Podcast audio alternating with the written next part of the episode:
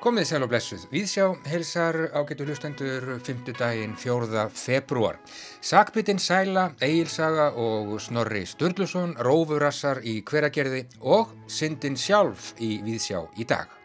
Við ætlum meðal annars í þætti dagsins að ræða við Hjalta Hugarsson, professor í Guðfræði við Háskóla Íslands, um byrtingamindir syndarinnar í Passíusálmum Hallgríms Péturssonar. En lestur Passíusálmana hófst hér á Rás 1 í gær, Það er Steinun Jóhannastóttir sem að les sálmana að þessu sinni. Hjalti rittar grein um syndina og passíðsálmana í nýjasta hefti Ritsins tímariti hugvísundastofnunar Háskóla Íslands. Bjargei Ólafsdóttir, myndlistamæður og reytöfundur, hún segir okkur frá síningunni Rófurassi sem opnuð verður í listasafni Árnesinga í hveragerði nú um helgina en þar koma hundar mjög við sögubæði, sofandi og vakandi. Hundar tala en aðeins við þá sem hlusta skrifaði. Tyrkneski reytöfundurinn Óran Pamuk á sínum tíma meira en þessa síningu hér rétt á eftir. Og Greta Sigriður Einarstóttir flytur hlustendum pistil í þætti dagsins. Hún fjallar að þessu sinni um sakbytna sælu.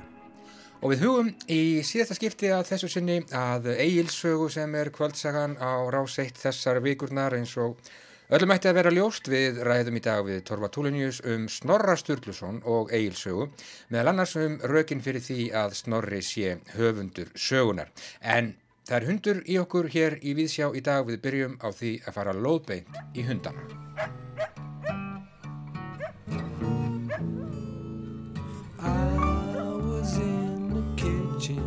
Shameless as the dog was outside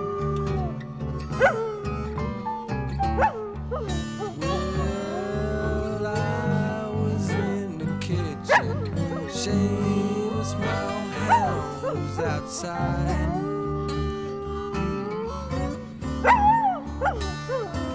Well, the sun sinks slowly, my old hound dog right down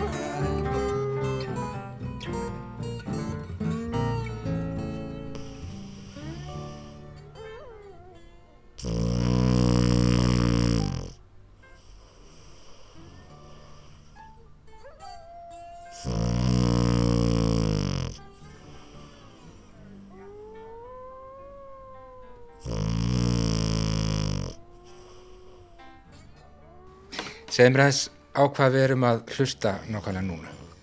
Já, þetta er danskur hundur sem heitir Vuki sem er mikið greppitríni og hrítur þar að leiðandi og hérna ég átti að búa til verk fyrir hérna danska þjóðlistasamnið mm -hmm. og það var vinið minn sem er mikill kísumæður sem bæði mig um að búa til verkið og ég ákvaði að stríða honum svolítið og hafa hund og hérna og ég hef verið að lesa í dagblæði að Helena Kristensen sem er ljósmyndari og var supermodel í nýjunni. Hún er sem sagt á stórkoslegan hund sem heitir Kuma og hann er með augu eins og David Bowie, annað svona, eða svona mislut augu og hérna hann er með annað eitt blátt og eitt brúnt mm -hmm. og hún, af því að hún er svona stundum kvíðinn þegar hún er að ferðast og á erfitt með svefn, þá er hann með upptöku af honum hrjóta í símanum sínum. Hún hlustar á þá flugullu með að ef hún er eitthvað einn á hótelherbyggjum þá róar þetta Já, sefar hana. Já. What soothes Helena Christensen might soothe you. Það sem sefar Helenu Christensen geti, geti sefa þig. Já, ég hugsaði að fyrst að þetta virkar fyrir hana og hún mæli með þessu og þá mm -hmm. verður kannski bara gaman að lefa heimsbyggðinni að njóta.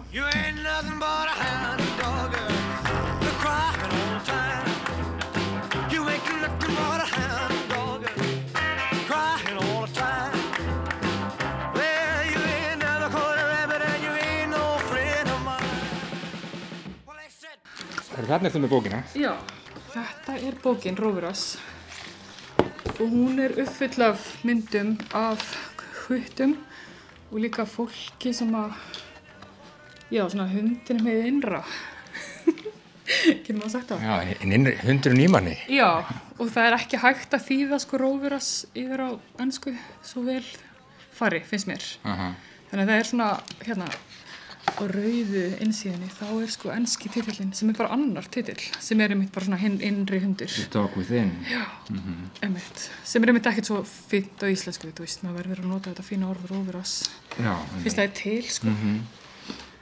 og hérna já, þessa bók er ég að gera í samstarfið bókaforlagi Aþenu sem heitir Void. Já, og síðan ákveði að stopna mitt eigið forlag því nú er ég komin á bræðið sem heitir Gersemi þannig að við erum að gera þetta í samstarfi. Já, en þeir dreifa því að þeir eru náttúrulega búin að vera lengi í bransanum og fara að bóka messur og dreifi bókabúður í útlandinum og svona. Þannig að það er gaman að vera í samstarfi við fagfólk og líka Joe á, hann er svona margverlenar grafskur hennur þannig að frábært að vinna með honum. Mhm, Og þetta eru hérna stillur til dæmis úr 16mm kvikmynd, það er sérst vídeoverk á, á síningunni og það er líka í bókinni. Og sen eru teikningar, til dæmis villuhundur frá leita mhm, sem heitir Lampu, sem að því er lampi. En að því hann var í eigu glæpahiskis, þá fannst finnisku listamennunum sem eiga núna betra að skýra einhver svona friðsamlegu hugulegu nafni. já, og hérna og þetta er sem sagt ég tók þetta á 16mm filmu sem ég frangallaði sjálf svarkvíta filmu og ég tók þetta á svona rústneska vel sem að flæktist aðeins þannig að það er svona double exposure eða svona Já. tvöfull mynd sem að veldur því að hann verður svona draugalögur þetta er svona svarti hundurinn í okkur svona, sem að táknar oft kannski Þess er kólsvartur Nákvæmlega. Og hann þykir oft kannski tákna blúsa daga. And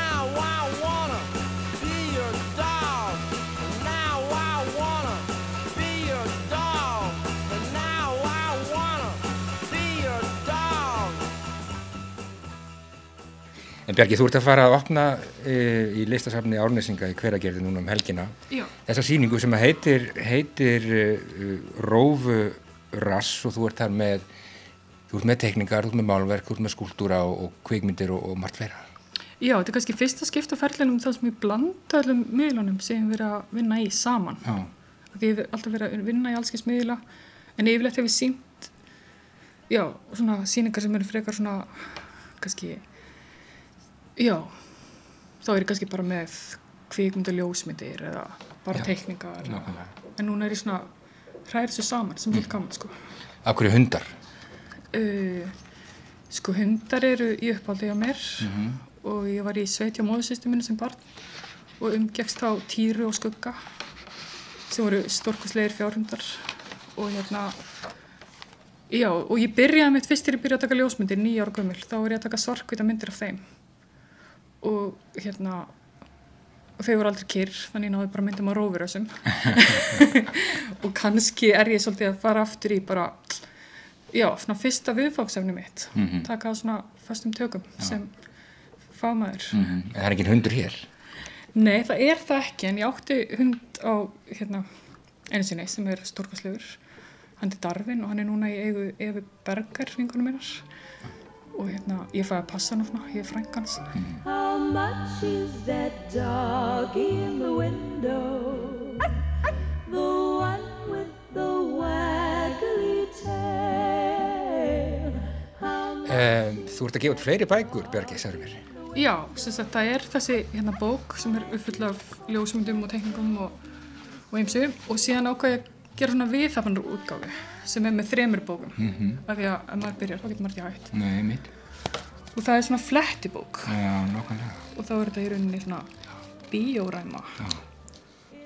Er þetta stillur úr, úr myndin eða? Já, einmitt. Og svo ertu með þetta líka sem er einu svona litlu Já, með sögu í. Nákvæmlega. Sem er svona, einmitt, svona hinn innri hundur. Einmitt. Hund sem að býr í, í konubrjósti og gæltir óverlega mm eiginlega blótar ragnar. Já, en þú ert náttúrulega skrif, þú ert ekki bara myndistakona, Bjarki, þú, þú skrifar líka. Já, ég skrifa líka Það er lengi gert. Já, emmitt, en ég er eitthvað feimin að byrta þannig að við sjáum hvenar það gerist setjum við það. Já, mér finnst betra að byrta myndir eða svona, ég er kannski vön því Já. en hitt kemur kannski Já, en talandi um skrif, þú ert með svona uh, einhvernarorð uh, með þessari sýningu uh, sem sækir til tyrkneska reytuundarins Óran Pamuk, uh, hundartala, en aðeins til þeirra sem hlusta. Já, það var sýningastjórin Jónatan Habib Engvist sem að gróf upp þe þessa snildarsetningu Mm. og það er búið frábært að vinna með honum af því að, að hérna, hann kemur svona kannski með nýja sín og, og svona þegar við erum að ræða upp rýminu og svona og já, þannig að þetta er svona samstra hvernig við stillum upp og, og svona búum um sýninguna Já, þannig að hann skrifa hann fína texta og, og fleiri orð Já. En hundar, hundar tala ekki við hvert sem er. Sko, ef maður sig hlusta. já, já, emmitt, ef maður verður að gefa sig af þeim sko, algjörlega, og bara öll dýr þetta er svona eitthvað sem að það sem svo mikilvægt að kenna börnum að umgangast dýr Já. svo verður ekki hrætt við dýrin Mhm. og dýrið innra, innra líka Já, var ekki minnst Churchill sem sagði að uh, því betur sem hann kynntist uh, mannfólkinu þegar mun vætna uh, þættunum um hundin sinn. Jú, er ekki bara? Já, Mhm. emmitt, Já, algjörlega nokkuð til því. Já, time. All the long red lines that take control of all the smoke like streams that flow into your En það er fleira að gerast er það ekki í listasafninu, listasafninu árnesinga núna um, um helgina. Jú, það er sýningin Trojka Já. og, og það er hérna þrýegi Pétur og, og Tumi Magnúsinir og Kristján Stengrumur Já, og þeir hafa verið vinur og félagar í listinni og, og hvað að sína saman og það er mjög skemmtileg sýning Já, og margt forvinnilegt sem þeir eru bralla á. Mm. Og það er opnunarháttíð sem að, já, bara stendur alla helgina. Já, út af hérna veirinni þá Já. bara er opið, opnum við klukkan 11 á lögadaginn og það er opið til 5 á sundaginn, ekki alla nóttina sko, það er í rauninni 11 til 5 Mm. Já, nákvæmlega. hvort það fyrir sig. Já. Og síðan er listamannaspjall klukkan 2 hjá strákunum á sunnudaginn Mhm. og fjögur hjá mér. Ljómar. Og þetta stendur alveg fram í, hvað, mæ? Já, meðan maður, þetta er ekta svona íspildur á síning og síðan fara þær að opna laugina, þetta er í lögaskari bara. Við platað að renna austur og hérna fara í sund og kíkja á, kíkja á myndlist. Algjörlega. Já. Uh, og þú ert á leiðinni bara austur á eftir. Já, við erum eft- eftir svona aðeins að stilla ímislegt, annars er þetta eiginlega komið sko. Við erum svo tímalega í þessu. En þú ert gjörsanlega að fara inn í hundana. Í byli sko, en spurning hvað maður gerir næst sko. Sér bara takk fyrir spjallið Björgi og til hefngi með þetta og gangi er allt í hæginn. Takk.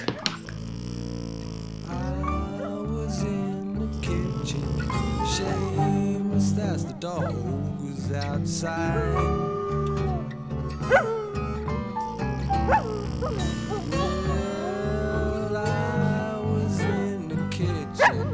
Shades Brown outside.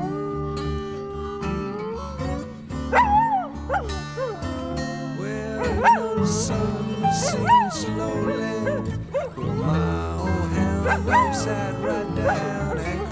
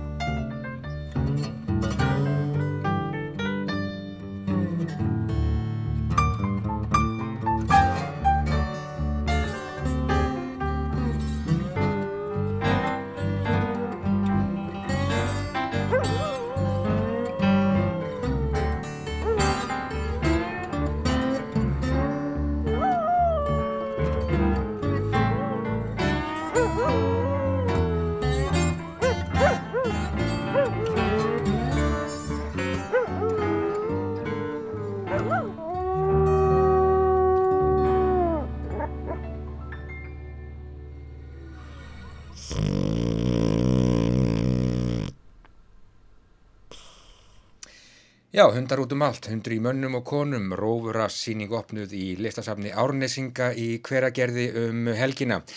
Það var listakonan Bjargei Ólafsdóttir sem segði frá og um, við heyrum þarna meðal annars hvernig danski hundurinn Vukki hrítur og róar kannski einhverja.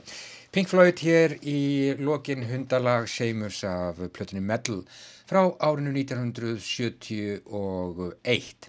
En eh, kvöldsagan hér á ráseitt er Egil Saga, Torfi Túlenius er langt komin með söguna og við fylgjumst með hér í Víðsjá, skoðum söguna út frá ymsum sjónarörnum. Velkomin í Víðsjá, Torfi Túlenius. Uh, sko, hver eru svona helstu rökin fyrir því að, að Snorri Sturluson hafi, hafi skrifað Egilsögu? Það er alltaf engin segir, það er ekkert miðalda handrit og engin miðalda heimild sem segir okkur að Snorri hafi samið Egilsögu.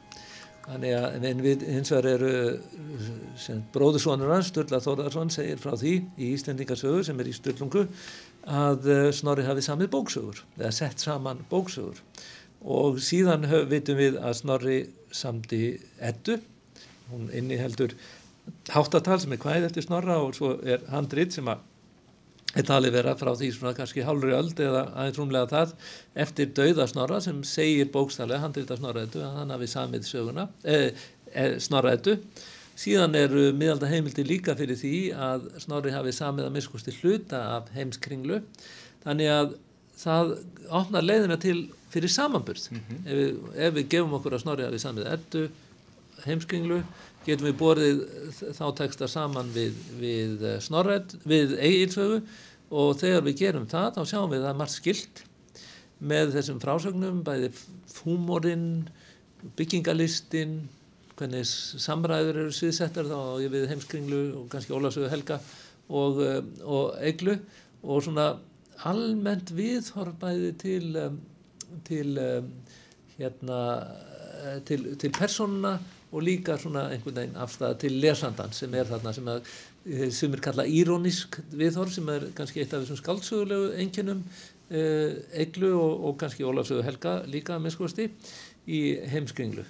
Nú nú, þannig að og síðan hafa menn farið að bera saman orðafarðan og þetta er svo kallað stílmælingar og menn hafa verið að gera þetta með Peter Hallberg byrjaði á því að gera þetta þegar hann var áður en tölvöld rann upp og núna eru yngri menn sem hafa verið að fást í þetta og meðal annars menn eins og Haugur Þorgilsson, Átnárstofnun, Jón Karl Helgason og, og fleiri fræðimenn hafa verið að, að, að gera stílmælingar á Íslendingasögum og þar ef að með því að mæla stílinn þar sé að mæla það orðavalið og hvernig setningar eru byggðar upp og svo frammeins, gera svona einhvernar tölfræði stílsins þá kemur í ljós að engar sögur eru jafnskildar og Egilsaga og Ólafsaga Helga. Mm -hmm. og þannig að þetta, þarna eru rauk svo eru svona ytri rauk sem var það innihald Egilsögu e, Egla fjallar um landnámið í ríki Snorra. Snorri er höfðingi yfir borgarfyrði þegar að e, sa, þegar að veldi hans bara yfirleitt alla frá með tvítusaldri og þar til hann er drepinn sem aldrei skildi orðið hafa 23. september 1241 af Gísuri Þorvaldsinni eh, af mönnum Gísurar eh, hann sett ríkir yfir borgarfyrði og þar og sagan fjallar um landnám í borgarfyrði og veldi forfæðra snorra þá í, í borgarfyrði þannig að þarna væru svona ytri rauk fyrir þessu. Og, og svo er það náttúrulega snorri engin Anna, enginn var meiri í raun og veru e, talsmaður skálskapar í samtíma sínum en Snorri. Og e, bæði með Snorrættu og einsum vísum sem að Snorri eru tilfæðar eftir hann. Og hann or, orti sjálfur og var ágætti skald og, og e, samt í Snorrættu sem er handbókum skálskap og Egilsaga er náttúrulega ef hún er eitthvað ef hún er ekki bara sagum áhugaverða personu og heldur er hún líka að sagða um skald og það er mikill skaldskapur og Bjarni Einarsson hefur stungið upp á því að hún hafi verið saman einmitt ekki síst til að svona vera svona eins konar skrín fyrir þennan mikla og fjölbreytilega skaldskap sem að tilfærður er og eignaður er akli í sögunni. Þannig að allt þetta svona bendir til þess að, að Snorri hafði samið eiglu og svo geta menn eins og ég sem að finnst gaman að kafa ofin í texta og pæla svona í hvað býr undir og hvað tilfinningar kannski búa baki, ekki personunum mm -hmm. personunar eru bara tilbúningur höfundar og lesandans náttúrulega líka. E, e, það eru ekki alvöru það eru ekki til í alvörunni. Heldur hvað er það sem að Snorri er að fást við eða höfundur sögunar er að fást við í, í sögunni? Og kannski er það einhver siðleg siðferðisleg málefni og, og Snorri átti í miklum átökum við sína nán, sín nánustu skildmenni Já. og sagan fjallar undir niðri um mjög djúbstæð átök við milli bræðra. Snorri átti í átökum við bræður sína og bróður svon sín sérstaklega Sturlu Sigvatsson og þau átök snerust um svipaða hluti og þessi átök sem eru í eglu það er um arf, um konfang um vald. Og eh, og svo ef maður gerist fröytisti sem að ég bara gengst við því að ég er það að e, þá fer maður og les þetta svona svolítið eins og að fyrir að leita að því sem að mætti vera tjáning dulvitundarinnar í sögunni þá e, finnst mér ég geta fært rauk fyrir því og í fullri auðmíkt auðvitað getur mér skjallast og svo getur verið að þetta sé bara dulvitund mín sem er að, er að er, er þarna á ferðinni en ég tel mig geta fært rauk fyrir því að, le, fyrir því að lesa má söguna sem út frá dulvitund að þetta mikla, þessi mikla ristamæður sem hafði þessa sterku formvitund hafi, sem að byrstist í sögunni hafi líka vitandi eða óavitandi, kannski óavitandi sett sitt eigið sálarlíf þann inn. Og sálarlíf þessa mikla listamanns, hvort þeim að snorrið einhver annars, liggi þarna í verkinu. Já. Svolítið eins og þegar Freud var að tólka eh, myndir Leonardo da Vinci. Það, það, grunnstruktúrarnir Já. í sálarlífi eh, hérna Leonardo er í sömu myndum hans og ég held að einhver, grunnstruktúrar einhvers, kannski snorra, eru þarna í eigilsögu. Sko nú veit ég ekki hvað þú hefur lesið eigilsögu oft, Torfi, en þú hefur lifað með henni ansi, ansi lengi og ég held að þú þekkir hana uh, bísna vel og veit að þú gerir það. Sko, ertu enn að sjá eitthvað nýtt og ef ég myndi stilla þér upp í vegg og ég veit að maður á ekki að sjóða niður mikil bókmyndaverk eh, niður í fáina setningar en sko um hvað, hver er kjarnið þessari bókar?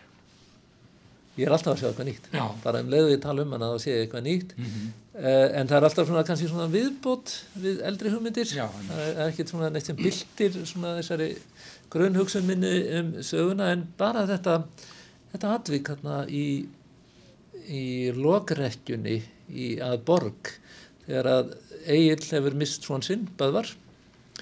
Uh, sem hefur druknað í útsinningsviðri veðri uh, miklu á, á borgarfyrði og hann fer og vindurinn blæs inn fjörðin frá Digranesi þar sem að skallagrímur fadir eh, hérna Egils var hegður.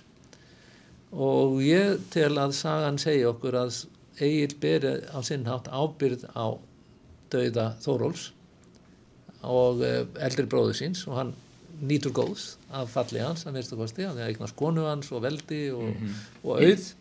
Og, uh, og þegar að skallagrimur uh, deyr þá, er það, þá er, eru þeir búin að vera í, í átökum um, um arf og auð. Þannig að uh, Egil býr við reyði föður síns. Og stormurinn mikli kemur sem drekkir síni Egils kemur frá haugi þar sem kvílir skallagrimur sem að Egil kannski átti sinn þátt í að skallagrimur misti sinnsson þannig að uh, ég, það má alveg færa rauk fyrir því að þegar Egil fer lætur opna haug böðvars og setur uh, lík unga unglingsins þarna inn til föður síns og vill svo bara deyja. Þegar loka sig inn í lokreikjuna að, að það má færa rauk fyrir því að, að þarna síðan að gefast upp fyrir hinnum geldandi föður Já. reyði föðurins og, og hvað gerist þá? hann er í lokreikju þetta er rúm, það sem sjónleikja hver kemur inn?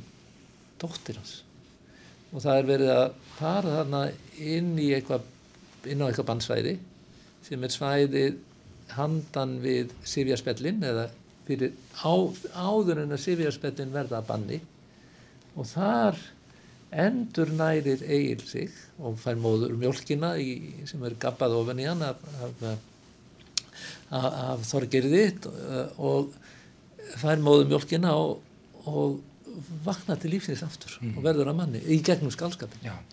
og þetta held ég sé alveg hægt að heimfæra upp á kenningar fröyd um sálarlífið og svona þetta vönunaróttin sambandi við móðurina og hvernig maður þarf að vinna sig út úr því til að verða manni.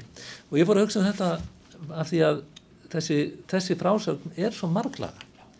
Hún er svo marglaga hún er, það er þessi fröytíski lestur sem ég er að eh, leggja til hér en það er líka kristilegu lestur. Egil er prímsingdur, það er að segja hann heyrir, hann er á, heyrir undir kristindómin, hann ætlar að deyja sem er synd Júdasar það er, það er syndin gegn voninni. Og uh, dóttir hans bjargar honum. Og hún er bara eina mörgum konum sem bjarga agli í gegnum tíðina. Þannig að hún er svona svolítil marjumynd og sem bjargar syndaran og þannig að það, það er trúaleg vít eh, þarna líka.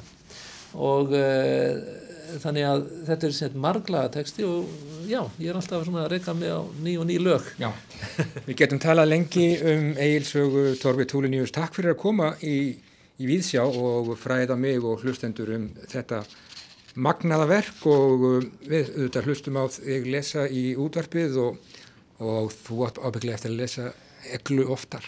Eh, ég er alltaf að lesa hana og takk fyrir og gaman að spjalla við Eiríkur ekki síst um Egilsögur Takk fyrir komuna.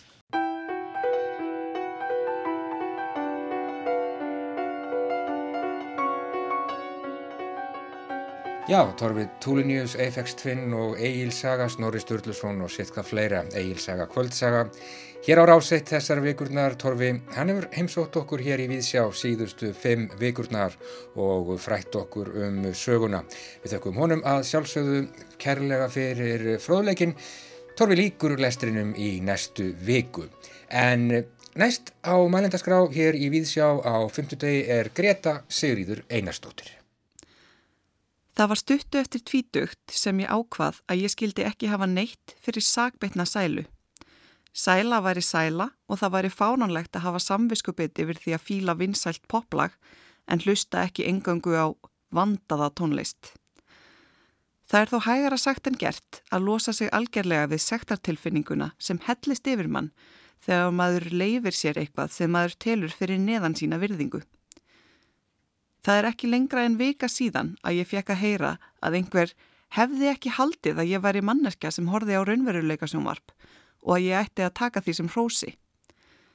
Þetta var eftir að ég hafði nýlokið langri ræðu um kenningu mína um þrjú stig þess að horfa á þættina um alvöru húsfreyjurnar í hinnum ímsu borgum bandaríkjana.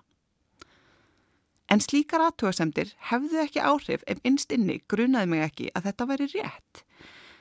Hvað er það við að leifa sér að njóta afþreyingarefnis sem skapar skömm og sektarkend?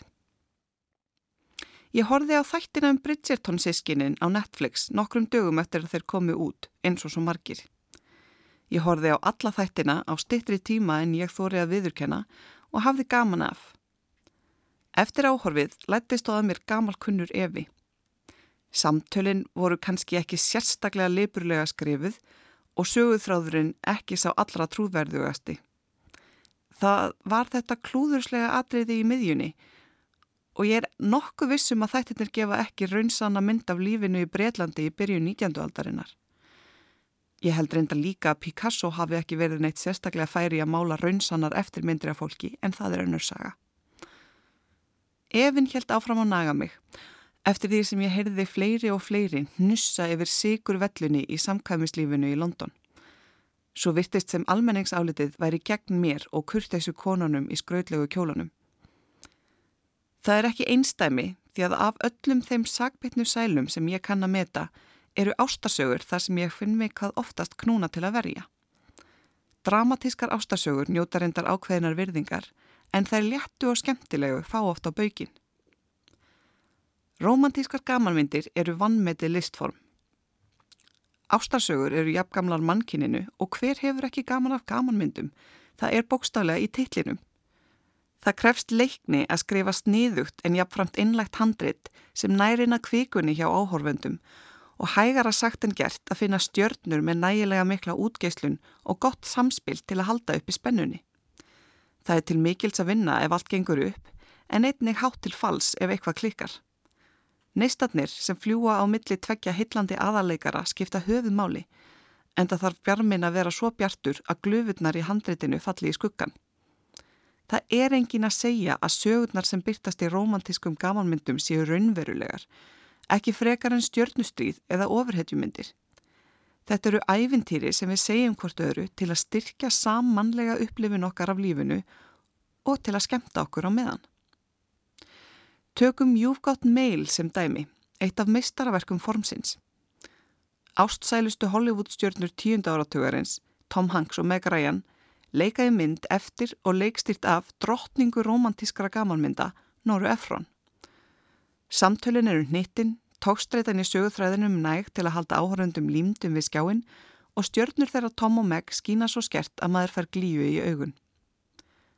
Áhörundum tekst næstum að gleima því að persóna Tom Hanks er síðblindur auðkífingur og pappastrákur í viðskiptaleik sem tekst að lokum ætlunaverk sitt að knésetja litla bókabúð til að markfalda gróðan fyrir útibú keðjunar sinnar hinum einu við hotnið. Þegar hann hefur í marga mánuði leikið tveimur skjöldum og nýtt sér vittnesku sem persóna Meg trúir pennavinni sínum fyrir til að komast í mjúkin hjá henni, á meðan hann leggur sig fram við að hafa af henni lífsviðurverið, er síðasta útspilið hans mögulega það grimmilegasta. Dægin áður en hún fær loksins að hitta sinn heittelskaða pennaminn, reynir hann að fá hana til að velja sig fram yfir þann sem hún hitti á netinu og fylgist með henni engjast. Svo hittast þau í gardinum og áhorfendur með stjörnuljóma í augunum og ávanabindandi romantískar línur efron í eironum samþykja það að þeim sé ætlað að vera saman og að svona endi myndin vel. Þrátt fyrir þessa augljósu galla fell ég fyrir þessari mynd í hvert sinn sem ég sé hana.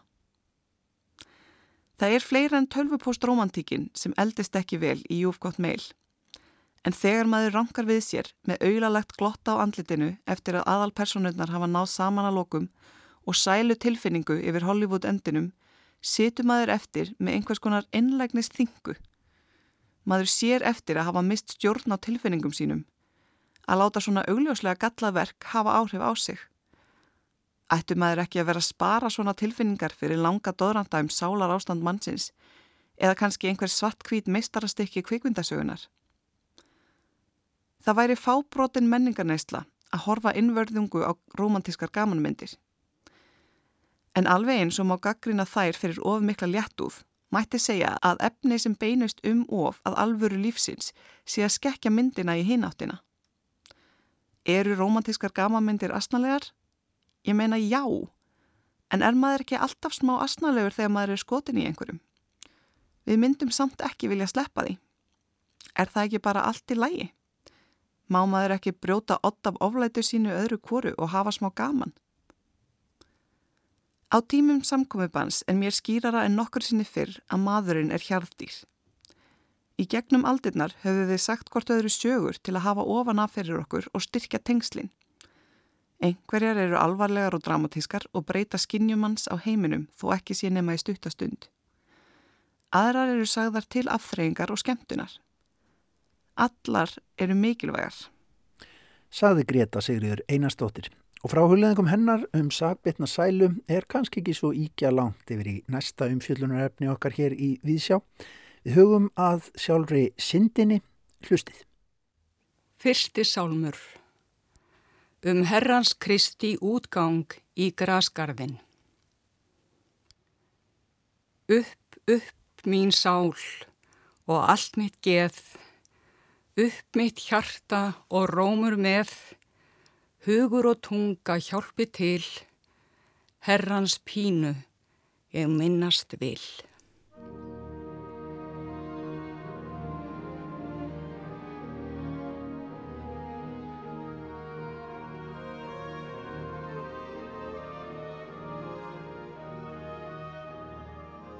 Lestur Passíusálma í heilt hefur verið hluti af dagskrá Ríkisútarsins allt frá líðveldis árinu 1944 og þeir lesnir að kvöldi til í aðdraðanda páskaháttíðarinnar allir 50 sálmatnir. Lestur þeirra hófst með þessum hætti í gerkvöldi eftir fréttir og veður klukkan 10 ára á seitt. Að þessu sinni er það Steinun Jóhannesdóttir, reittöfundur og leikari sem að les sálmanna. Sálmannir eru vitanlega mörgum taldnir einn af hápunktum íslenskra bókmenta og gefa dýrmæta insýn í hugarheim fólks á 17. öld. Þeir eru vitanlega höfuðverk Hallgríms Péturssonar, ortir á sjötta áratug 17. aldar. Píslarsagan er þar rakinn af mikill innlifun en líka glíman við mannlega tilvist almennt. Í nýjasta hefti Ritsins tímarits hugvísindastofnunar Háskóla Íslands sem aðgengilegt er í opnum aðgangi á netinu, rítar Hjalti Hugarsson, professor í Guðfræði við Háskóla Íslands, grein sem hann kallar Ósynd, Ósyndin Arga. En þar kannar hann byrtingarmyndir syndarinnar í passíusálmunum. Við hittum Hjalta Hugarsson í dag til að ræða sálmana og þetta hugtak sem vitanlega er ekki eins borlegjandi og það kann að virðast við fyrstu sín. Þetta er býstast snúið hugtak og auðvitað hefur merkingin breyst í tímans rás. Núna þegar við tölum um eitthvað sér synd þá, þá er það nú bara eitthvað sem finnst leitt er það ekki og, og þarf alls ekki að hafa neina hleðslu í eina eða aðra átt. En uh, auðvitað er þetta hugtak sem að er náttúrulega mjög tengt uh, trú, menningu, siðferð og siðgæði og öllum þeim klasa hugtaka og fyrirbæra. Og eh, í mínum huga þá er syndin kannski fyrst og fremst eh, svona tengsla hugtak og, og sá veruleiki sem að orðið vísar þá til einhvers konar svona félagslegt fyrirbæri. Eh, og, og ef við færum aftur í svona reikninguna til að mynda og, og aðtöguðum merkingasviðin þar þá eru þau margræð. Það getur verið allt frá því að að mistakast þá væntanlega í góðum ásetningi eða eitthvað í þá veru getur verið eh, afbrot gagvart lögum og lög og réttur og trú voru jú lengi samofinn fyrirbæri. Nú síðan uh, getur þetta mert ofbeldi af ímsu tægi það er að segja uh, einhver merkingasvið sem koma fyrir í rétningunni fél að það í sér að, að synd sé ef maður ræðst inn á yfirráðasvæði annara í okkar samhengi gæti það verið sem að ef ég treð mér inn fyrir helgustu mörg þeirra sem ég lifi með. Og, og svo er þetta náttúrulega hugtak sem að í trúarlegum skilningi er er notað í samskiptunum við Guð að, að synd sé það sem að ég var að segja rýður sambandið milli Guðs og manns kemur til leiðar eh, aðskilnaði. Það sem er sameiginlegt með öllum merkingarsviðin syndarinnar.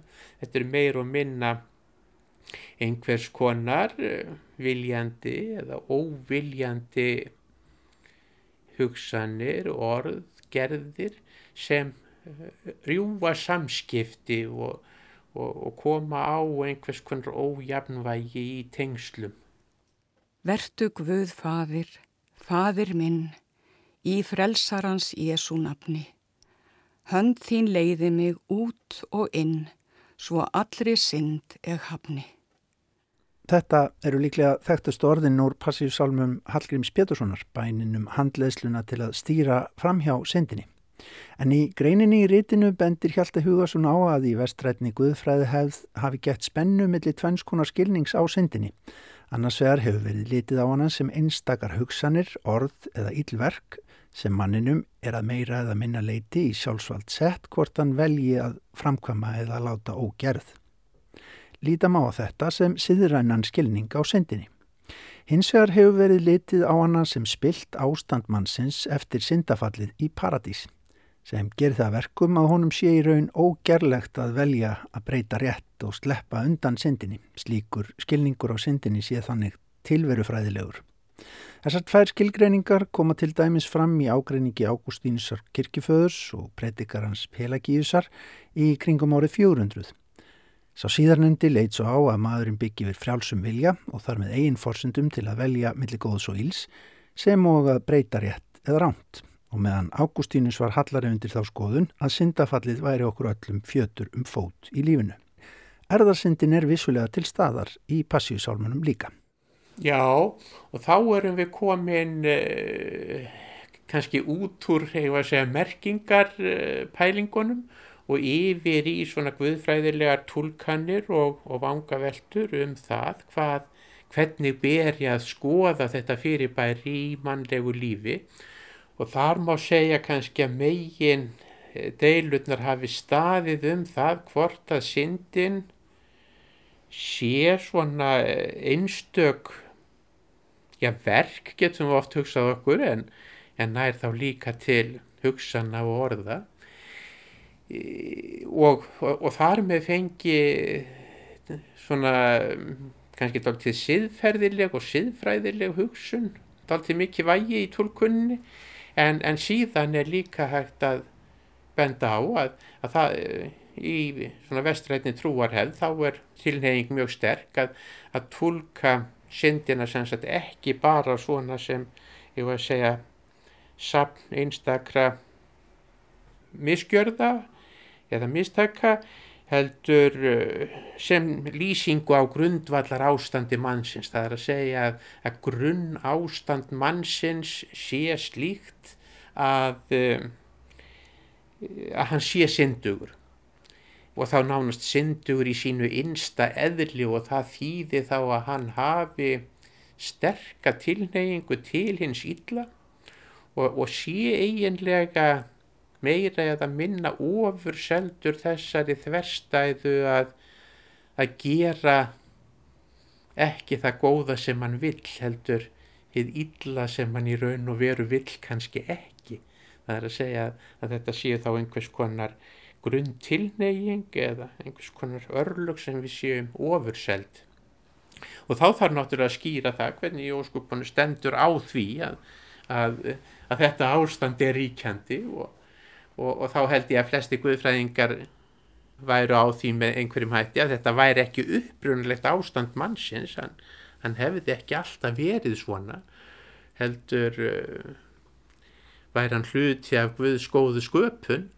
En, uh, en það hafi eitthvað gerst sem að uh, allir því að, að, að tengsl Guðs og manns rofnuðu og, og þá er syndafallsagan notuð í upphæðu biblíunar til þess að skýra það að, að þarna hafi orðið grundvallar atburður þar sem að uh, þessi tengsl rofnuðu og, og eftir þetta sé þetta föður arfur okkar eða foreldra arfur frá okkar fyrstu foreldrum Adam og, og Efu og einhver stað segir Hallgrimur Prétursson er það ekki Adams er eðlið runnið í mitt náttúrlegt hold? Og, og þá e, er verið að undistrykka þetta að, að við höfum að upphafsindarinn er ekki að leita í þínu lífi eða mínu lífi heldur séð þetta eitthvað sem hefur fylgt mannkynni allt frá syndafallinu. Ylskunnar eðlið vort. Útlanda hefur gjört oss frá eilífri gleði í Adams falli það skeiði En er syndin fyrirferða mikil í efnistökum Hallgríms Péturssonar í Passíusálmanum? Já, hún er nú býstna fyrirferða mikil. Ég skoðaði þetta í, tengslum við, við þessa grein sem ég byrti og, og nú man ég nú ekki alveg hversu oft hún kemur fyrir en, en hún er tvímælust eitt af þessum stóru orðum sem við getum kallað svo að það er að segja þeim orðum sem, sem hafa mjög mikla tíðin í Passíusálmanum. Hún er ekkit hún er ekki eina af þeim algengustu eða eitthvað, eitthvað þessar en, en þetta er svona eins og þráður sem liggur í gegnum sálmanna og, og það er náttúrulega uh, ekki óeðlilegt vegna þess að, að passíu sálmannir eru jú ortir út af pínu krists eða passíu krists og, uh, og hún var náttúrulega ekki tilgangslaus heldur uh, leiðan fyrir syndina eða syndirnar barburt syndir heimsins svo einhverstað segir. Og, og, og þess vegna verður þetta svona rauður dráður Hallgrímur er að hugleiða þjáninguna þjáningu Krist og, og var að segja afleiðingar hennar til góðs og íls. Hvað stillir betur hjartans böl en heilug drottins pína og kvöl? Hvað heftir framar neyksli og synd en herrans Jésu blóðu mynd? En hvernig byrtist syndin í sálmónum? Erum við ofurseld erðasyndinni eða getum við breytt rétt í okkar lífi og losnað undan henni? Það fannst mér dátti skemmtilegt að, að sjá um, hvernig að notaði syndarhugtakið og, og ég sagt eh, var að láta reyna á það í þessari aðtögun minni sagt hvort það væri hægt að lesa einhverja svona skýra guðfræði út úr passíusalmónu það er að segja hvort að um, hann væri kannski aðalega að tala um syndina í eintölu og þá með stórum staf og, og það sem við kvöllum oft erðasynd eða hvort hann væri að tala um syndir í fleirtölu og, og þá svona þessi, þessi einstöku verk sem við öll rötum í og sjáum eftir. En eh, en niðurstaða mín er eiginlega svo já að, að báðum þessum merkingasviðum slái saman e, og það sé ekkit alveg augljóst hvena er e, e, hann á við e, hvora merkinguna. Það er svona nokkur neginn augljóst þegar hann er með fleirtölumyndina það, það, það, getur verið hvort tveggja þegar eintalan kemur fyrir bæði þá einstök hugsun orð eða verk eða, eða ástandið þannig að, að niðurstaðan mín var svo að, að það sé ekki svona einhverja uh, skýra synda guðfræði að finna hjá Hallgrími og hann sé til dæmis alveg uh, sjálfum sér samkvæmur í því að að vinna út frá hugsanarminstri Ágústínusar heldur uh, slæði þessu saman og það kom mér svo sem ekkit voðalega mikið á óvart en en skýrði svona í mínum huga að, að passíusálmarnir eru ekki svona guðfræðilegt verk fyrst og fremst heldur er þetta guðrækni verk eða svona verk sem er ætlað til þess að ætlað til tilbeðslu og trúarið kunnar og uh, og þar er það ekki bara einhver lógisk hugsun eða guðfræðileg tólkun sem skiptir máli heldur þessi íhugun sem að flæðir til ímsra ímissa átta og, og kemur svo vel fram í, í öllum passíu salmónum. Vist er eg veikur að trúa, veistu það Jésu best. Frá syndum setna snúa, sottan mig ángrar mest. Þó framast það eg megna þínum orðum eg vil, trista og gjarnan gegna, gef þú mér náð þar til. En með hlutsjón af syndahuttakinu, hvernig er þá best að nálgast passíusálma Hallgríms Péturssonar? Hvernig geta þeir hjálpað nútímamanninum? Passíusálmarnir, þeir eh, eru náttúrulega svo margir, þeir eru margir, þeir eru 50 og, eh, og þeir eru margslungnir og og margræðir þannig að, eh, að í þeim getur fólk falist ímis konar hjálp. Og, og þá held ég að við ættum kannski fyrst og fremst að, eh, að velta fyrir okkur sko, hvernig eru þeir byggðir upp og það sem einkenni passíusálmanna það er að segja passíusálma Hallgríms Péturssonar af því að á þessum tíma þá var fjöldi skálda íslenskra og ekki síður erlendra að, að yrkja passíusálma.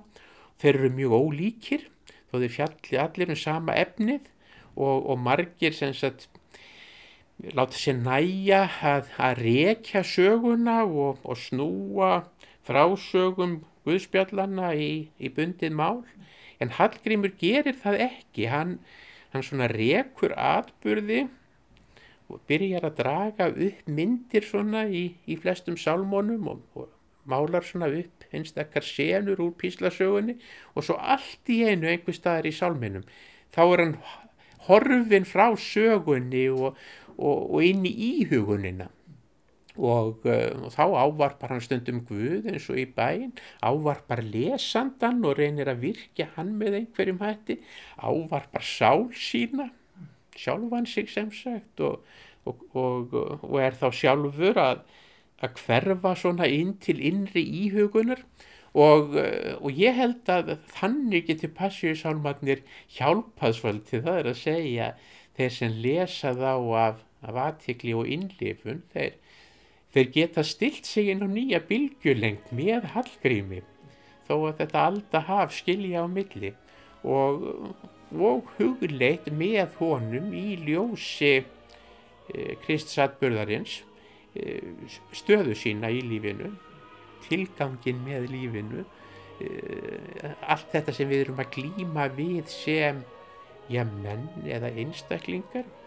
Þannig að núna á koronatímum þá væri kannski hægt að eh, já, sökva sér niður í passíu sálmanlesturinn og reyna að gefa því gaum sko hvar hverfur Hallgrímur í hinnum einstöku sálmum frá sögunni og að íhuguninni og getum við fyllt honum inn í þessa, eitthvað segja marguleiti huldu vitt sem er þó alltaf einhverstað nærri okkur og, og við svona komist nær því að, að skilja okkur sjálf og þá stöðu sem við og allur heimurinn er í.